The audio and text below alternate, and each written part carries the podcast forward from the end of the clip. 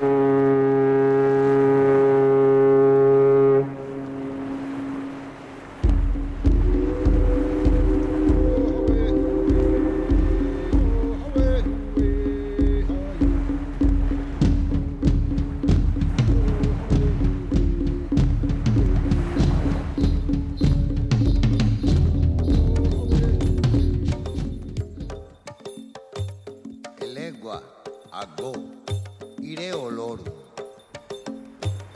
Bienvenidos a Levando Anclas, programa de viajes, aventuras y otras culturas en emisión a través de Radio Euskadi.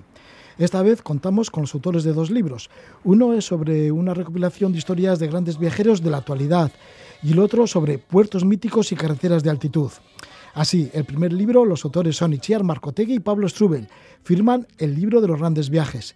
Reúnen a 131 viajeros que nos pueden inspirar para lanzarnos aventuras sin precedentes, viajes de meses o de incluso años.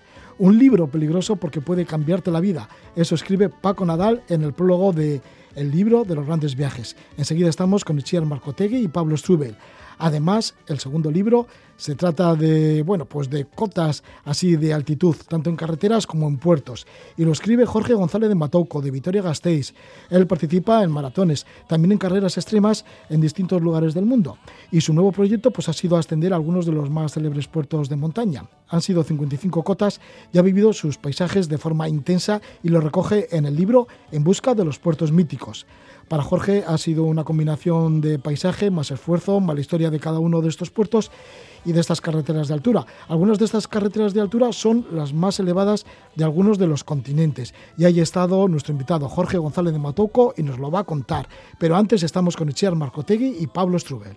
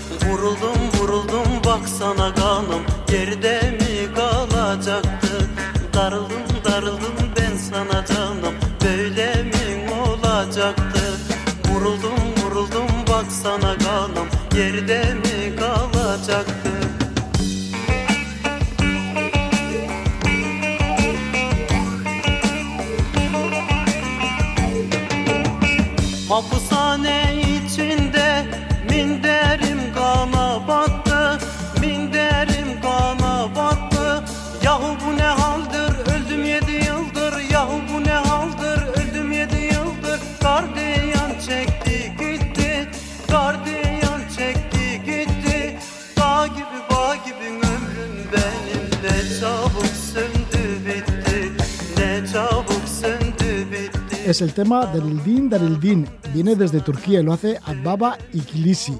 Y nuestros invitados también se van para Turquía, para Estambul en concreto. Pero antes de que se vayan, van a estar con nosotros comentándonos una cosa muy especial, porque publican el libro de los grandes viajes, 131 historias inspiradoras. Vamos a estar dialogando con Itziar Marcotegui y Pablo Strubel. Han conseguido reunir una colección de viajeros contemporáneos que, siendo personas normales como tú y como yo, pues han realizado periplos extraordinarios. Y por eso publican un libro lleno de fotografías a color, ilustraciones y abundante texto con diseño novedoso. Es este libro de los grandes viajes. Itziar Marcotegui y Pablo Strubel, que también desde hace 13 años son los organizadores de las jornadas de los grandes viajes comparten las experiencias de personas que recorren el mundo sin prisas y a veces sin billete de vuelta en estas jornadas de grandes viajes. Diremos que Itziar Marcotegui es psicóloga, editora, escritora y guía de viajes, coautora con Pablo Strubel de Cómo preparar un gran viaje, Turista lo serás tú y ahora pues este libro de los grandes viajes. Y por su lado Pablo Strubel es economista, escritor, editor, tiene el podcast Un gran viaje, es guía de viajes en Asia Central y autor de, entre otros, Te odio Marco Polo, sobre un viaje en solitario por la ruta de la seda que hizo ya hace bastante tiempo. Diremos que Pablo también vivió en Malasia durante un año y otro año en Turquía país del que ha escrito varias guías y como digo, pues se van a ir enseguida para Estambul, pero antes dialogamos con ellos. Así que le tenemos a Pablo Strubel, le damos la bienvenida. Muy buenas noches, Pablo. Gabón Roge, buenas noches. Gabón, Itziar Marcotegui, Gabón. Gabón, buenas noches, Roge.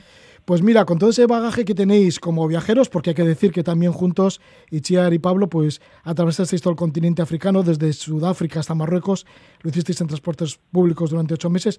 Bueno, pues con todo ese bagaje habéis escrito este libro de los grandes viajes, que ya digo, es muy bonito, muy documentado, y el cuerpo central del libro pues está dedicado a repasar la trayectoria de viajeros de todo tipo. ¿Cuáles son estos viajeros y qué tipo de viajeros son? Bueno, lo que hemos intentado, como decías muy bien en la introducción, es que haya mucha variedad de perfiles viajeros, sobre todo que sean personas normales. En este libro lo que hablamos es de personas normales que han emprendido viajes largos en el tiempo, de varios meses o varios años. Y estas 131 testimonios o personas que participan en el, en el libro están clasificados en distintos medios de transporte. Esa ha sido la manera en que hemos elegido para clasificarlos. Hay viajes hechos a pie, viajes hechos en bicicleta, otros en moto, algunos en cuatro ruedas. También hay barco y transporte público. E incluso hay un capítulo para viajes hechos en autostop otros medios de transporte más raros como, bueno, puedan ser el kayak o la trotineta. Pero hemos intentado demostrar, al igual que en las jornadas, que hay mil y una maneras de hacer viajes largos y mil y uno condicionantes, porque hay familias, hay parejas, hay gente muy joven viajando por el mundo o gente muy mayor. En fin, hay gente con mucho dinero o con poco dinero intentamos demostrar eso, que hay mucha variedad y que ningún viaje es mejor que otros, que todos tienen la misma validez y, e interés. Así que intentamos pues animar al lector también, tal vez, a que él con estos testimonios emprenda o sueñe con hacer su gran viaje. Una de las grandes aportaciones de este libro es que habéis hecho una encuesta entre los viajeros, entre esos 131 viajeros, ¿no? Esas 131 historias inspiradoras y entre ellas pues les preguntabais mm, pues mm, en cuanto a recomendaciones prácticas también para el lector de cómo tomaron la decisión de dejarlo todo y alejarse de la rutina. ¿Qué es lo que os han ido contando? Pues tenemos la suerte de haber conocido a un montón de viajeros que, que se lanzaron un día a cumplir sus sueños y nos han contado, para empezar, la gran pregunta que tiene todo el mundo cuando piensa en un viaje así, que es cuánto se gastan en un viaje de, esta, de estas características, ¿no? Y mira, para que quien nos escucha se haga una idea, en un viaje así, los que menos han gastado han sido como 300 o 200 euros, los que van en bicicleta, y los que más han gastado han llegado a 1.600 euros al mes, pues alguno que va en moto. Y entre todo eso hay un rango enorme de precios y la media está en, creo que eran 600 o 700 euros, eso era, 700 euros de media, que para muchos es mucho menos de lo que se gasta en, vivir en una ciudad normal europea o de España. Sí, porque, claro, fundamental también es tomar esa decisión, ¿no? De dejarlo todo, como decíamos, alejaros de la vida, alejarse de la vida cotidiana en el lugar en donde, en donde vives y lanzarte a la aventura, ¿no? hacer realidad esos sueños. ¿Y a esto qué cuentan ellos? Porque claro, también suelta, mm, cuesta mucho soltar amarras, ¿no? Claro, y en esa tesitura nos hemos encontrado todos los que alguna vez nos hemos planteado hacer un viaje así, ¿no? ¿Qué hago con el trabajo y la casa y si me pasa algo y cuando vuelva? Y entonces lo que nos han contado al final es que pues todo tiene una manera de resolverse y que lo importante es priorizar el viaje sobre otras cosas, pues sea para ahorrar, sea para dedicar todo tu esfuerzo a, plantear el viaje y a dejar el trabajo y a, buscar alternativas para viajar, eh, trabajar mientras, traba, mientras viajas. Y mm, nosotros en esta, en esta encuesta que les hemos hecho, al final todos tienen la misma conclusión y es que nadie se arrepiente de hacer un viaje así, ¿no? Y lo que planteamos en la primera parte del libro es precisamente un repaso por todas esas preguntas que nos hemos hecho y damos las respuestas, las soluciones que hemos encontrado entre quienes han hecho un viaje así, ¿no? Sí, porque claro, ahí están los miedos y, dentro de los miedos los más frecuentes pues son dejar el empleo, la posibilidad de no encontrar otro al regreso, también el tema de no tener dinero suficiente para hacer el viaje, el tema de la seguridad, pues si pasa algo, el tema de la salud, también cómo me puedo encontrar en cualquier sitio por ahí lejano y exótico, ¿no? Y también el miedo a lo desconocido, ¿no? ¿Cuáles son las opciones para sortear todo esto? ¿Qué opciones habéis encontrado? Bueno, depende de la circunstancia personal de cada una. Por ejemplo, con el tema del trabajo, pues mucha gente lo que opta es por una excedencia para tomarse un tiempecito para viajar, pero muchas otras personas han aprovechado un despido y con una indemnización muchas veces, pues para, para emprender ese, ese viaje en ese momento eh, en el que, bueno, no sabían muy bien qué hacer, ese momento que muchas veces nos frena el no voy a dejar el trabajo que tengo para irme de viaje, pues a veces el trabajo le deja a uno eh, en la estacada y decide pues emprender ese viaje ¿no? luego muchas veces eh, tendemos o hay la tendencia a intentar tener respuesta para todo. Y muchas veces mm, es verdad que no se tiene respuesta para todo.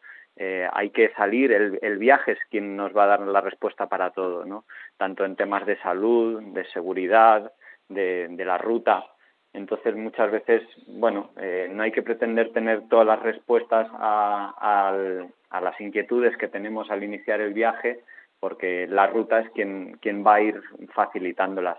Pero sí que es verdad que casi todos los, los, viajeros son gente que ya han ido viajando, cogiendo experiencia en viajes más cortos, de dos o tres semanas, y que se sienten cómodos con ese, ese momento de dar el paso y lanzarse a la aventura a veces es más difícil el retorno tras meses o incluso años fuera de tu lugar de origen. Sí, sí, sí, a veces es la parte más difícil del viaje. De hecho, en esta encuesta que hicimos, el 60 y algo por ciento encontró que la adaptación después del viaje, cuando regresaron, fue difícil. Y depende mucho de la manera en la que vuelvas, porque si vuelves porque te apetece, porque ya das tu viaje por concluido, porque ya has tenido bastante, porque ya has hecho lo que te apetecía, entonces el regreso es más fácil. También si te espera un trabajo a la vuelta, porque por ejemplo has pedido una excedencia o algo así, es mucho más fácil. Ahora, si vuelves de repente porque has tenido una enfermedad o te has quedado sin dinero o alguna circunstancia que hace que hayas terminado antes de lo que te hubiera gustado, normalmente la adaptación es más complicado y sobre todo si tampoco tienes un proyecto o no tienes un trabajo o no tienes algo que te dé un poquito una, una rutina para estar de nuevo en, en la ciudad de la que saliste a veces es un gran revulsivo, ¿no? Para cambiar de vida, como ha sido vuestro caso, porque desde que hicisteis ese viaje tan largo por el continente africano en transportes locales, sí que habéis cambiado de oficio y de todo, ¿no? Sí, nos hemos dedicado fundamentalmente al mundo de los viajes. Hemos publicado libros, hemos montado una editorial de libros de viaje, organizamos las jornadas de los grandes viajes desde 2013 y desde también desde 2013 nos dedicamos a trabajar como guías de viaje. O sea, hemos dejado nuestra carrera de economista y psicóloga para, para cambiarla totalmente de enfoque. Es que lo que sucede, Roge, es que un viaje así te empodera, te da tanta energía y confianza en ti mismo que te anima ¿no? a perseguir tus sueños laborales o, vitales después. Te has animado a hacer un viaje de varios meses o, o años en ocasiones, has aprendido tanto del mundo, de ti mismo, has mejorado tus capacidades para, para sortear problemillas, has aprendido de otras culturas que de repente dices, bueno, igual no me apetece volver a lo mismo. Mucha gente sí que vuelve a lo mismo porque se ha pedido una excedencia y bueno, retoma su vida con normalidad, pero otros pues nos hemos lanzado un poquito a, con esa energía a emprender nuevos proyectos. Vamos a conocer algunos de estos viajeros, de esos 131 historias inspiradoras. Como bien habéis dicho, pues los habéis agrupado los relatos en función del medio de transporte utilizado Mm, mira, antes de empezar a hablar de algunos de ellos, ¿de qué manera condiciona el medio de transporte utilizado para cada una de estas personas? Pues creemos que condiciona mucho porque, para empezar, el ritmo del viaje. No es lo mismo ir andando en bicicleta, que vas despacio, a ir en un coche, una moto o en transporte público, ¿no? que te mueves mucho más deprisa. O también, por ejemplo, es distinto si llevas tu propio medio de transporte, te puedes ir parando allí donde quieras o cambiando de ruta según vas decidiendo. En cambio, si viajas en transporte público, a veces tienes que ir de un punto A a un punto B, no te puedes ir parando en todas las partes que te gustaría. Y también cambia un poco la manera en la que te percibe la gente de, de los lugares a los que vas. Porque si viajas, por ejemplo, en transporte público, te van a ver quienes están contigo en ese autobús o en ese tren como, como uno más, ¿no? En cambio, si llegas en una moto equipado con tu traje, tu casco, en algunos sitios puedes parecer casi casi un marciano, ¿no? Y te, y te ven de una manera muy distinta. Así que yo creo que condiciona mucho la experiencia que te da y el tipo de viaje que haces. Pues comenzamos con el viajar a pie. Bueno, vosotros también lo hacéis así en vuestro libro, ¿no? El viajar a pie, que se supone que es el más natural. Pero algunos de estos viajeros han hecho, pero cientos de kilómetros, hasta miles de kilómetros. Por ejemplo, el caso de Gemma Jimeno y Ginebra Peña, que fueron desde Estambul hasta el Cairo, 2.150 kilómetros. La verdad que tiene una historia muy bonita por detrás también, Gemma y Ginebra. Sí, les llamó mucho la atención. Sí que hemos destacado otros viajeros como Nacho Dean, que dio la vuelta al mundo andando, o Jen y Luis, que han estado recorriendo desde Bangkok hasta Barcelona, o otros ilustres de tu programa como puedan ser Julio Villar o Román Morales, ¿no? Paseantes y que han hecho grandes viajes a pie. Pero nos centramos en la historia de Gemma y Ginebra porque son una madre y una hija, que es una combinación rara mm, en un viaje normal, y es que ellas estuvieron viajando durante seis meses desde Estambul hasta el Cairo, a pie, como homenaje al padre de Ginebra que había muerto sin haber podido cumplir ese que era su sueño de viaje, ¿no? Entonces nos pareció una, una excusa o un motivo, una motivación de un gran viaje preciosa. Y, bueno, por las, por las diferentes eh, condiciones, ¿no? Eh, no es muy frecuente que una madre y una hija estén viajando seis meses juntas y el viaje las, las ha unido muchísimo más de lo que eh, se esperaban inicialmente. Viajes a pie, pues sí, está lo que habéis nombrado también Julio Villar con su libro, además, que lleva ese título, Viaje a pie, con el añadido de Mar de Nubes últimamente, Viaje a pie de Julio Villar, este Donostierra que camina y camina y no para de caminar. Y luego, pues, por ejemplo, también nombráis a Román Morales, que entre el año 1988 a 1991 hizo la ruta desde el Caribe colombiano hasta el canal de Beagle, o Iñaki Díaz de Tura, que hizo la Continental Dive Trail, 5.000 kilómetros por las montañas rocosas en el tramo de Estados Unidos. Luego está también pues, los viajeros en bicicleta. Ahí están, por ejemplo, la belga Alice Coffard, el alavés Andoni Rodelgo, junto con sus hijos que luego fueron haciendo, Maya y Unai, que estos sí que tienen también muchísimo mérito. Sí, porque fíjate que eran una pareja, se fueron de viaje, ella quedó embarazada por el camino y decidieron volver y nació, su hija Maya nació aquí en, su pueblo y al cabo de un poco tiempo decidieron que querían continuar el viaje, así que ya siendo tres se embarcaron otra vez en, en la ruta y estando de camino en, creo que fue Bolivia, sí, en Bolivia, ella se volvió a quedar embarazada y allí nació su hijo, una, y decidieron, en vez de volver a casa, tenerlo en ruta y continuar en el viaje siendo familia. En total estuvieron siete años y eso, viviendo una experiencia muy distinta de viajar en pareja, a luego con una y luego con dos, teniendo que adaptar el modelo de bicicletas y sobre todo el ritmo del viaje nos parecía muy interesante que hubiera alguna familia también, porque es una de las grandes frases que oímos, no, es que como tengo hijos no me puedo plantear un viaje así, ¿no? Pues esto es un ejemplo, y hay más en el libro, de alguien que viaja en familia y que, bueno, y que se puede. Sí, sí, y luego gente prejubilada o jubilada, ¿no? Fíjate, en el, el mismo aspecto de viajar en bicicleta, pues un gran ejemplo es Blanca Fernández, Churi, esta mujer de Irún que vive en Londres, que con 57 años se planteó viajar en bicicleta desde Londres pues hasta muy lejos de Asia y luego además se le ocurrió cruzar todo el continente africano. Sí, la historia de Chuy nos encantaba por la propia historia ¿no? de, alguien que tiene, ella salió con 57 años, que parece que, bueno, es que yo ya soy muy mayor, pues mm, bueno, hay quien lo hace, y ni más ni menos que en bicicleta. Y llegó hasta Tailandia, tuvo que volver por el Brexit, porque tuvo que hacer unos papeles para, bueno, tramitar su residencia, y luego, efectivamente, puso la bicicleta en un avión, se fue al Cairo y desde allí se recorrió toda la costa este de África hasta el Cabo de Agujas, en el punto más austral de, de África, y luego se fue hacia el norte por la, por la otra costa, por la Atlántica, y llegó pues hasta su casa. Y lo gracioso de, bueno, gracioso de su historia es que en todo el viaje no le pasó absolutamente nada, ni en los lugares más remotos, ni en, ni en ningún punto donde podría haber cierto conflicto y sin embargo pues lamentablemente sufrió un pequeño golpe, un atropello en Francia y tuvo que hacer el último tramito hasta su casa casi en ambulancia, ¿no? Que a veces parece que cuando te vas muy lejos es muy peligroso y fíjate, lo peor que le pasó fue al lado de casa. Sí, claro, igual cuando te relajas, ¿no? Que ya has pasado todos los peligros, te relajas, fíjate, y, y ahí cuando estás llegando ya a la meta, pues sucede lo que lo inesperado. Bueno, el caso de gente así como con mucho espíritu viajero, que son todos, Pero bueno, ya con cierta edad, ahí está el caso que siempre nos ha llamado muchísimo la atención a todos, el de Candy, la abuelita mochilera, Cándida García Santos.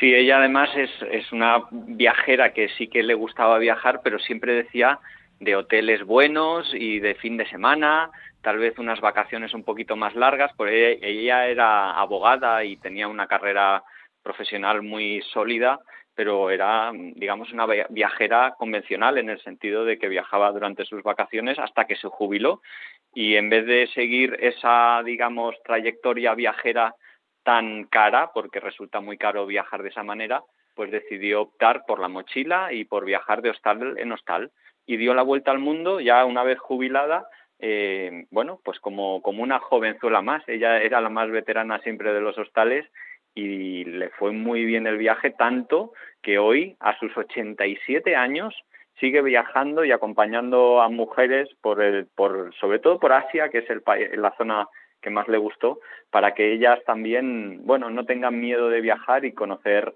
eh, culturas tan diferentes como la nuestra. Pues sí, Candy, Candy, la abuelita mochilera, es todo, bueno, toda una figura excepcional. Mira, el caso también de Ana Padrón, que cuando aquí en Levando Anclas nos contaba su historia, es que era de no creer, ¿no? Porque ya jubilada y en furgoneta en solitario, se fue 12 años a realizar grandes viajes. También es una de las protagonistas de vuestro libro. Sí, nos gustaba también mucho su historia por, por lo mismo, ¿no? Porque muchas veces parece que como ya eres mayor, ya has cumplido cierta edad, ya no puedes viajar y ella dijo, que va, voy a aprovechar mi jubilación, ahora que tengo todo el tiempo del mundo, para hacer los viajes que siempre me han apetecido. Y se recorrió todo el mundo con su furgoneta y contaba pues cuánto le habían ayudado en ruta, lo bien que se lo pasó, lo segura que se sentía y la cantidad de gente que conoció. La pena que nos da es que Ana no ha podido ver el libro porque falleció unos tres meses antes de, que se publicase. Pero bueno, hemos estado en contacto con con su familia y bueno, están contentos de que esta especie de homenaje a su madre y a, su, y a su viaje esté también en el libro. Pues sí, un gran tributo a Ana Padrón, que siempre la recordamos. Y luego, pues hablando de gente muy joven, porque también hay gente jovencísima que ha hecho grandes logros, ¿no? Entre ellos, por ejemplo, Albert Casals, que en silla de ruedas recorrió América Latina y luego también se fue desde Barcelona hasta Nueva Zelanda y tenía tan solo 20 años. Sí, tal vez Albert Casals sea una de las historias más llamativas por varias circunstancias. Uno por su juventud, porque él empezó su primer gran viaje por América fue a los 17 años, pero también porque lo hace en silla de ruedas y desde los últimos años sin dinero. Él sufrió una leucemia cuando era pequeño, con cinco años, y, que le postró o le obligó a, moverse en silla de ruedas en adelante y, ha hecho de eso aparente debilidad su fortaleza. Y hoy en día pues vive y viaja en silla de ruedas y se ha recorrido todo el mundo, no solo América, sino uno de los viajes que, que hablamos en el libro es cómo llegó desde Barcelona hasta las antípodas en Nueva Zelanda sin dinero haciendo autostop y esta es de la manera en que le gusta viajar, ¿no? Entonces es una persona eh, muy rompedora, muy, muy, bueno, muy inspiradora y que demuestra que para viajar no hay impedimento ni físico ni económico, porque cumple las dos condiciones en su caso. Estamos con Echial Marcotegui y Pablo Strubel, nos están hablando del libro de los grandes viajes. 131 historias inspiradoras que lo edita Geoplaneta, además con todo lujo de detalles, un diseño novedoso, muy buena documentación, ilustraciones, fotografías, y van apareciendo estos 131 viajeros mm, inspiradores. Y bueno, pues estamos nombrando algunos de ellos, ¿no? Y el libro, ya decíamos, está dividido pues en viajar en bicicleta, a pie, en moto, en cuatro ruedas, en barco, en transporte público, en autostop y también en otros medios de transporte. Además, pues bueno, vais dando una serie de consideraciones con, con encuestas que habéis hecho a esos 131 viajeros y también finalmente algunos aspectos prácticos, ¿no? Al final del libro, para diseñar y preparar la primera gran aventura. De eso sois bastante especialistas, porque ya habéis escrito un libro solo de ese tema. Sí, tenemos un libro que escribimos a la vuelta de nuestro viaje de un año por África porque lo que más nos preguntaba la gente era cómo hacéis esto, cómo hacéis lo otro, cómo llevas el dinero y el equipaje, y entonces escribimos aquel libro. Y este es un, este es un poquito más resumido, porque no cabía si no hubiera tenido no sé cuántos tomos este, este libro, pero sí que recorremos todas las preguntas que uno se tiene que hacer antes de emprender un viaje así. ¿no?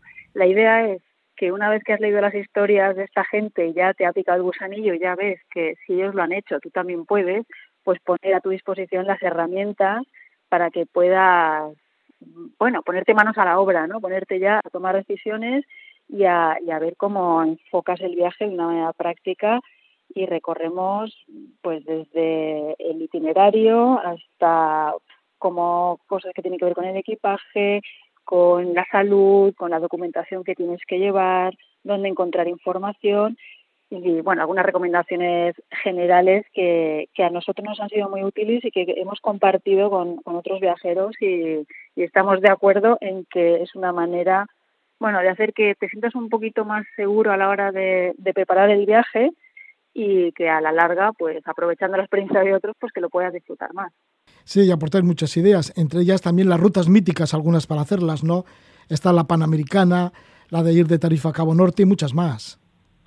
Sí, la verdad hemos intentado sintetizar en un mapa pues esas grandes rutas que todos tenemos en mente cuando pensamos en un gran viaje. Son unas, unas, porque hay miles, y lo que hemos dado es un poquito de información de qué tiempo se tardaría, cuándo es mejor hacerla, eh, por dónde transita dicha ruta y si tiene algún obstáculo principal. Pero bueno, es un poco, eh, como decía Iciar, información un poco general o, básica porque no nos podíamos extender demasiado, pero sobre todo que sirva como inspiración y para, bueno, para soñar y ponerse manos a la obra también. Además de todo ello, pues un libro muy bien documentado, que sirve esa documentación para dejar esa colección de viajeros contemporáneos, pues ahí, bien, bien escritos en este libro que lleva ese título, el libro de los grandes viajes, 131 historias inspiradoras y agradecemos a sus autores, a Pablo Strubel, gracias por estar con nosotros, Pablo. Es que ricasco a ti, muchísimas gracias. Itziar Marcotegui, es que ricasco. Pues gracias por hacernos un huequito en tu programa. Lo edita, lo recordamos, Geoplaneta. Un abrazo. Hasta pronto. Adiós.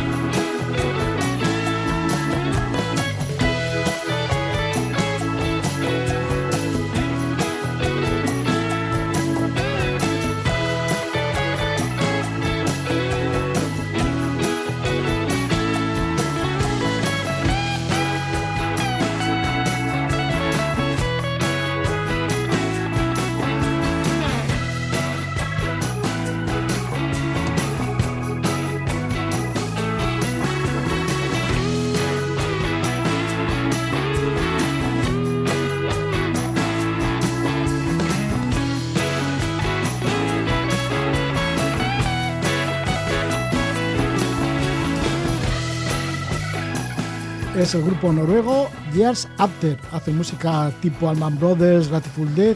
El tema que escuchamos es un instrumental que lleva el título de Follow the Trail. Y es que estamos con Jorge González de Matouco, nacido en Vitoria-Gasteiz en el año 1966. Nos va a hablar de cómo fue en busca de puertos de montaña míticos.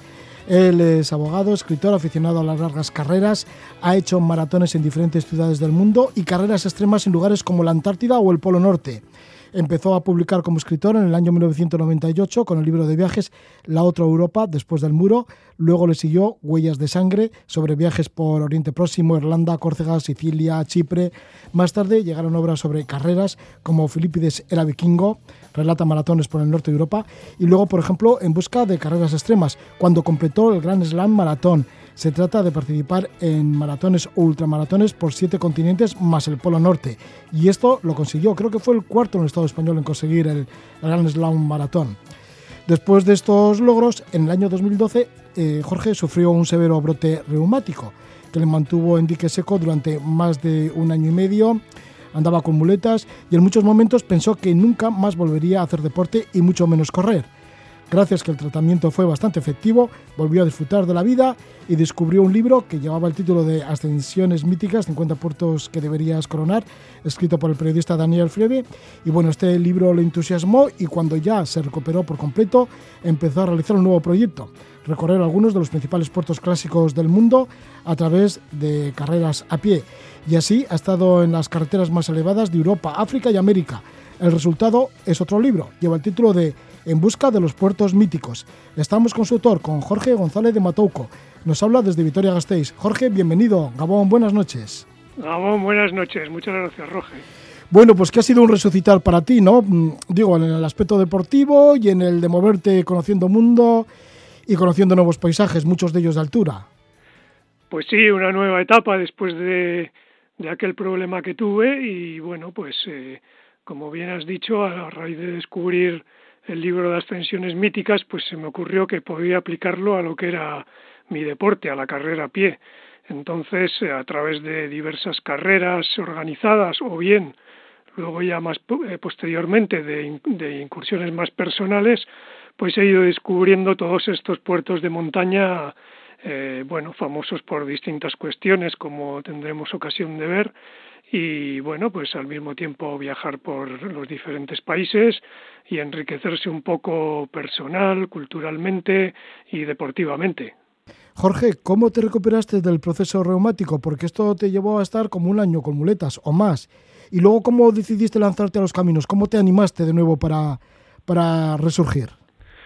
Pues eh, aquel proceso reumático fue un via crucis de todo tipo, sobre todo relacionado con las visitas médicas, eh, fisios, eh, bueno, de todo tipo de profesionales, naturópatas, hasta que por fin, pues después de muchos meses y meses, consiguieron establecer un diagnóstico correcto entonces ya el tratamiento fue más fácil y la recuperación más rápida.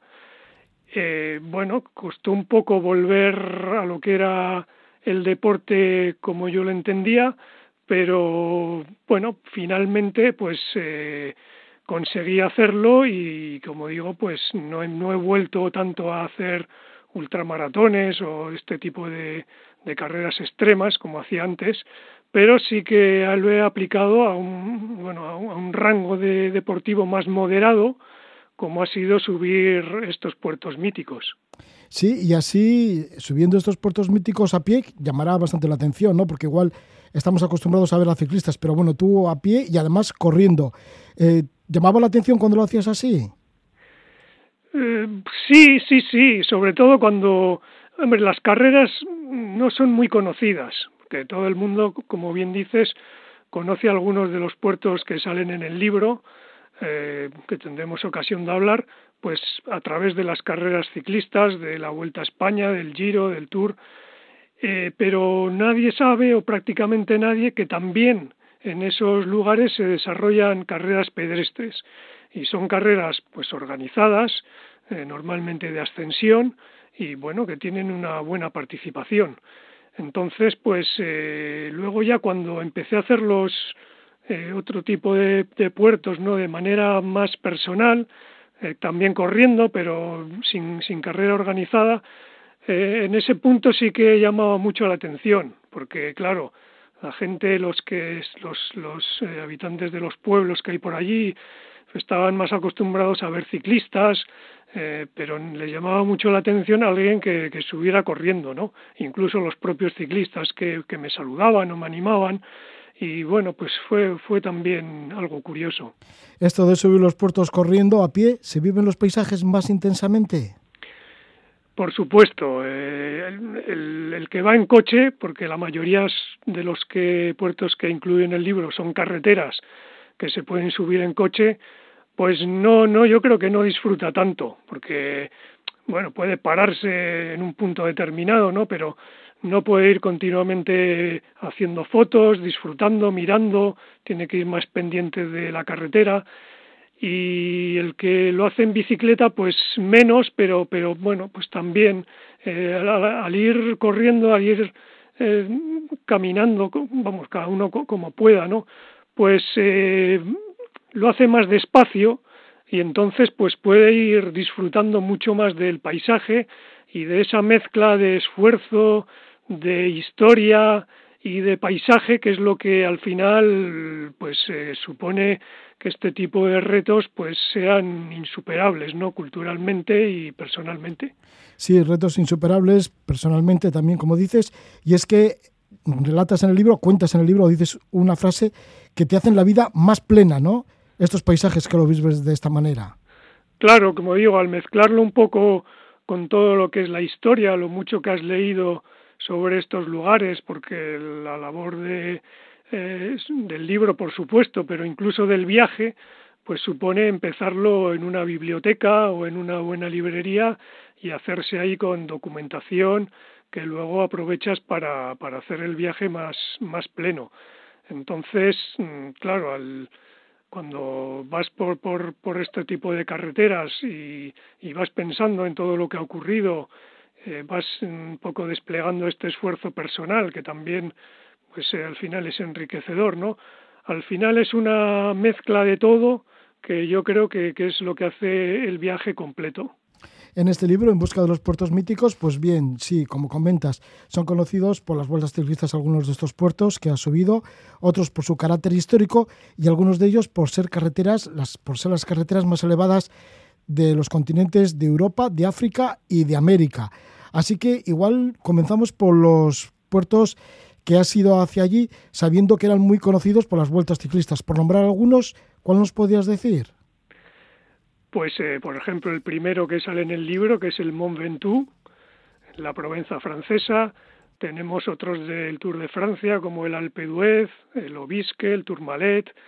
Eh, los tenemos los clásicos de, de, la Vuelta a España, como el Angliru, los lagos de Covadonga, eh, incluso los, los clásicos de, del País Vasco también, porque por mi cuenta pues hice Urquiola, hice Orduña, hice Arrate, el puerto de Herrera, aquí en, La Rioja.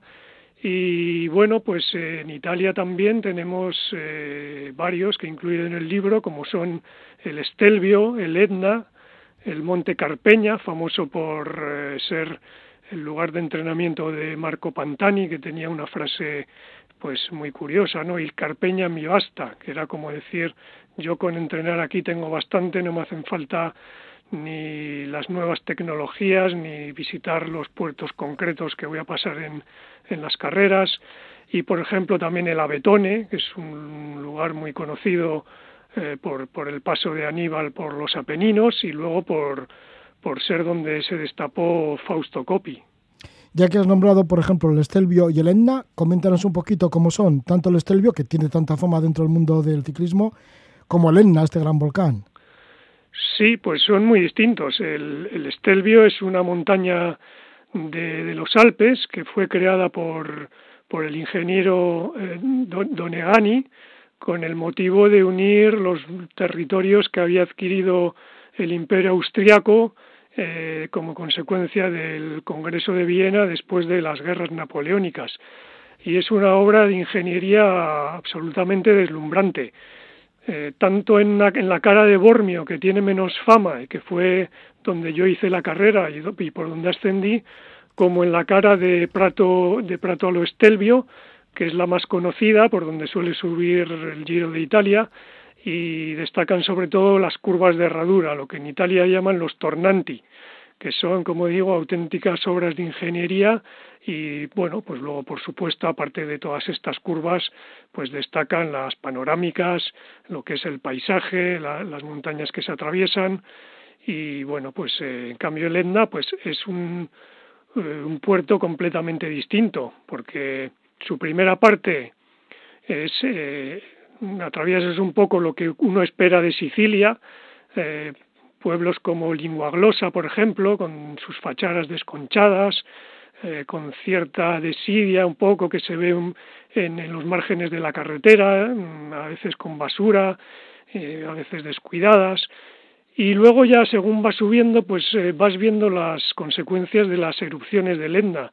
A veces ves que la carretera está recién asfaltada como consecuencia de de una de las erupciones que, la destrozó completamente. Luego pasas por una especie de estación de invierno que también en su día pues una erupción se la llevó por delante y ya los últimos kilómetros que son los más destacados es eh, un, un, camino completamente volcánico, ya sin, sin asfaltar, completamente negro. A uno le recuerda un poco pues eh, algún paisaje de, la saga de, Star Wars. Y bueno pues eh, llegas a, a, la cota 3000 justo por debajo del Etna y allí pues concluye la carrera, que se llama del de 0 a 3000, porque empieza en eh, la playa de Marina de Cotone, a, la cota cero, y como digo, pues llega hasta la cota 3000 a la sombra del Etna pues hay el volcán de Lenda y esa carrera en la que has participado. Bueno, y ya has participado en bastantes carreras, aunque luego, como también has dicho, pues luego ya por en plan particular también has tenido el capricho de hacer otras montañas. Y de los montes históricos, de los puertos históricos que has ascendido, está por ejemplo uno en Creta, el corredor cretense, no hablas del corredor cretense, que emuló también a, a Filipides, el de maratón. Exacto, exacto. La, el tema de Creta pues me lo despertó también un libro, un libro que se llama Nacidos para ser héroes de Christopher McDougall, que también escribió el libro de Nacidos para correr, que tuvo mucha mucha difusión, mucha fama entre corredores, sobre todo. Y bueno, este viaje me permitió descubrir al personaje de George Sichundakis, el, que llaman el corredor cretense.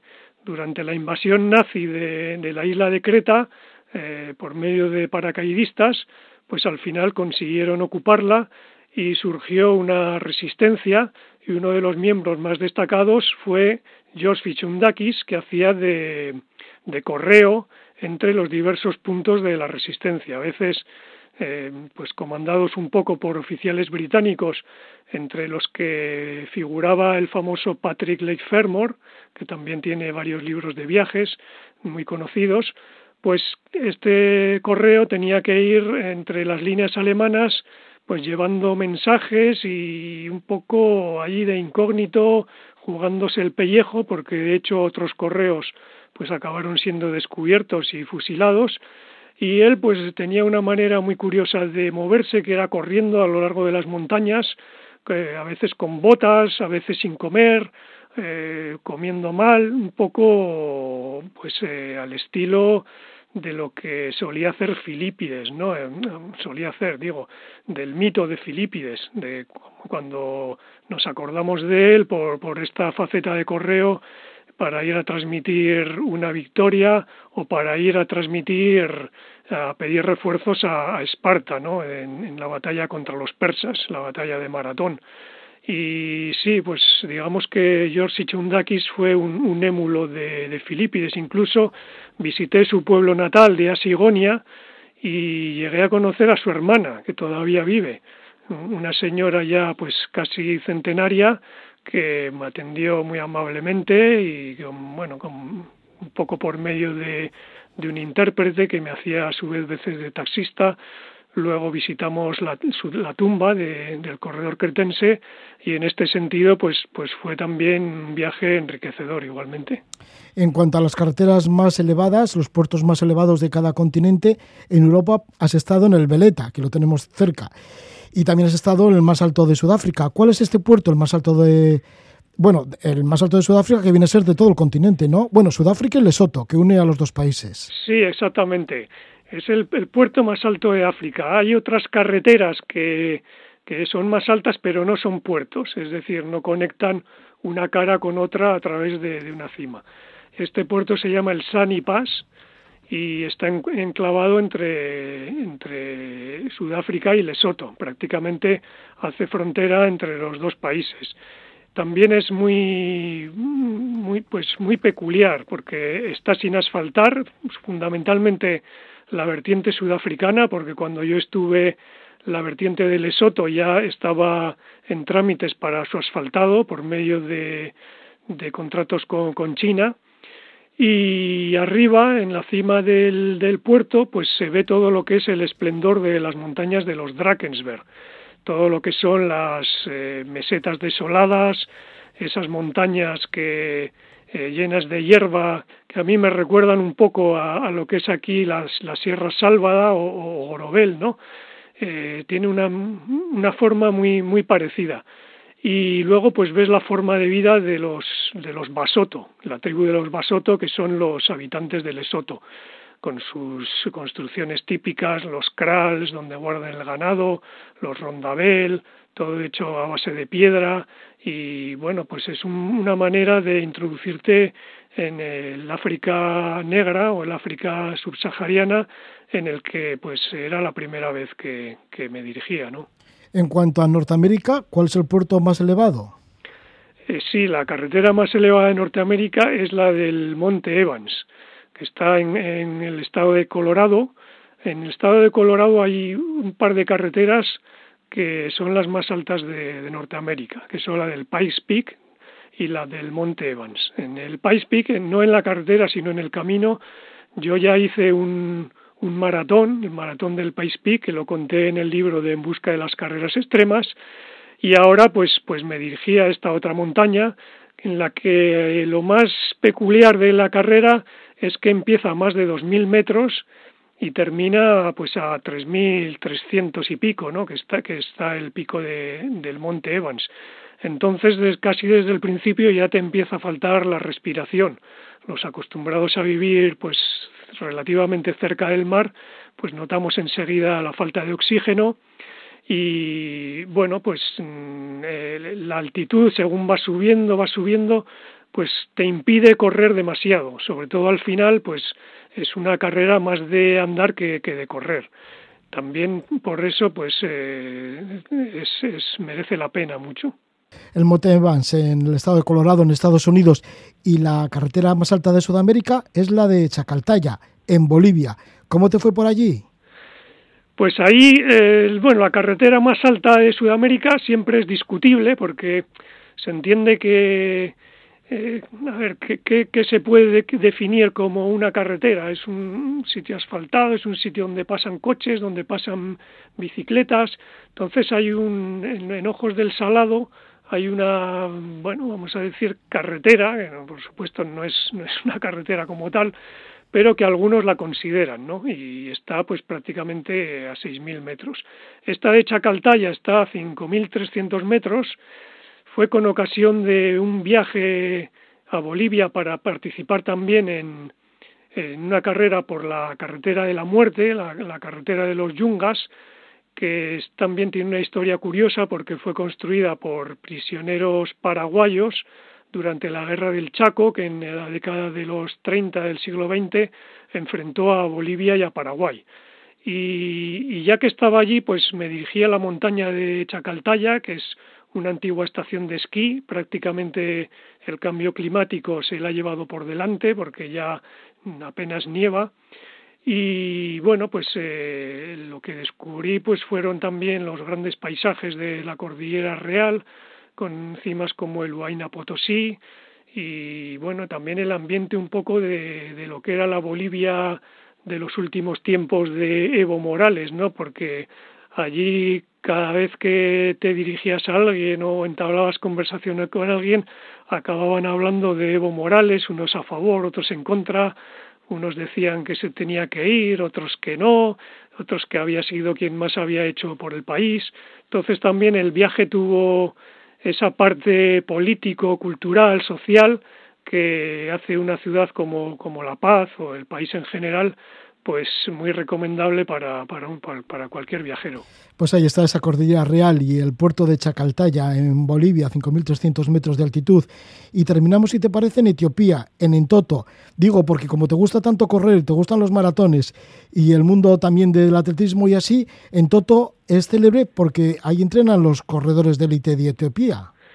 Sí, exactamente. La, la montaña de Entoto está muy cerca de Addis Abeba, que es la capital eh, está a 3.000 metros de, de, altitud y allí pues aprovechan esa altura para entrenarse los, los atletas más conocidos de Etiopía, desde los Haile Gebrselassie, Kenenisa Bekele, eh, Tulu, en fin, toda, todas toda la playa de, de, atletas etíopes que hemos visto por la televisión y a los que hemos admirado efectivamente entrenan allí. Es eh, también una carretera pues eh, muy peculiar porque pues pasan allí con haces de leña las, las chicas, luego eh, te encuentras gente que va que va a hacer oración a, los templos que hay en la montaña.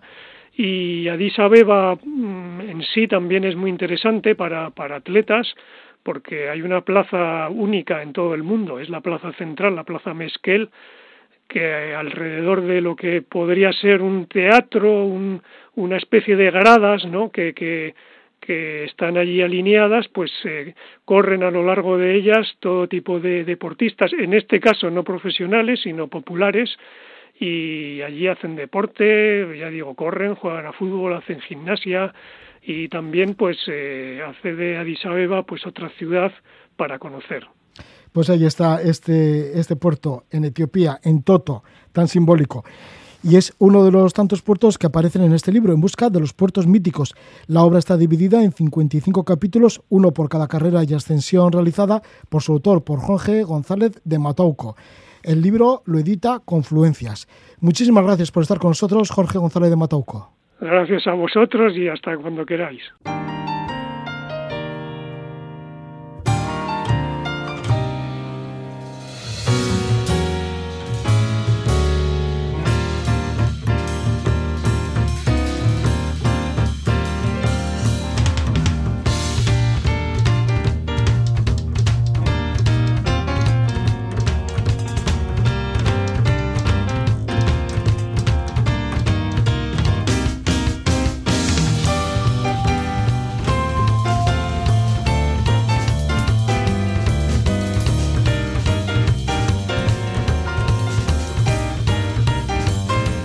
Edición de este programa de Levando Anclas, que ya estamos terminando, pues hemos tenido a Itziar Marcotegui y a Pablo Strubel sobre el libro de los grandes viajes, 131 historias inspiradoras, y también ahora a Jorge González de Motoco en busca de los puertos de montaña míticos. Y despedimos, lo hacemos con la música de Maite Larburu y el tema Omar Rienen, Utopía. Que disfrutéis mucho de la semana, dulces sueños.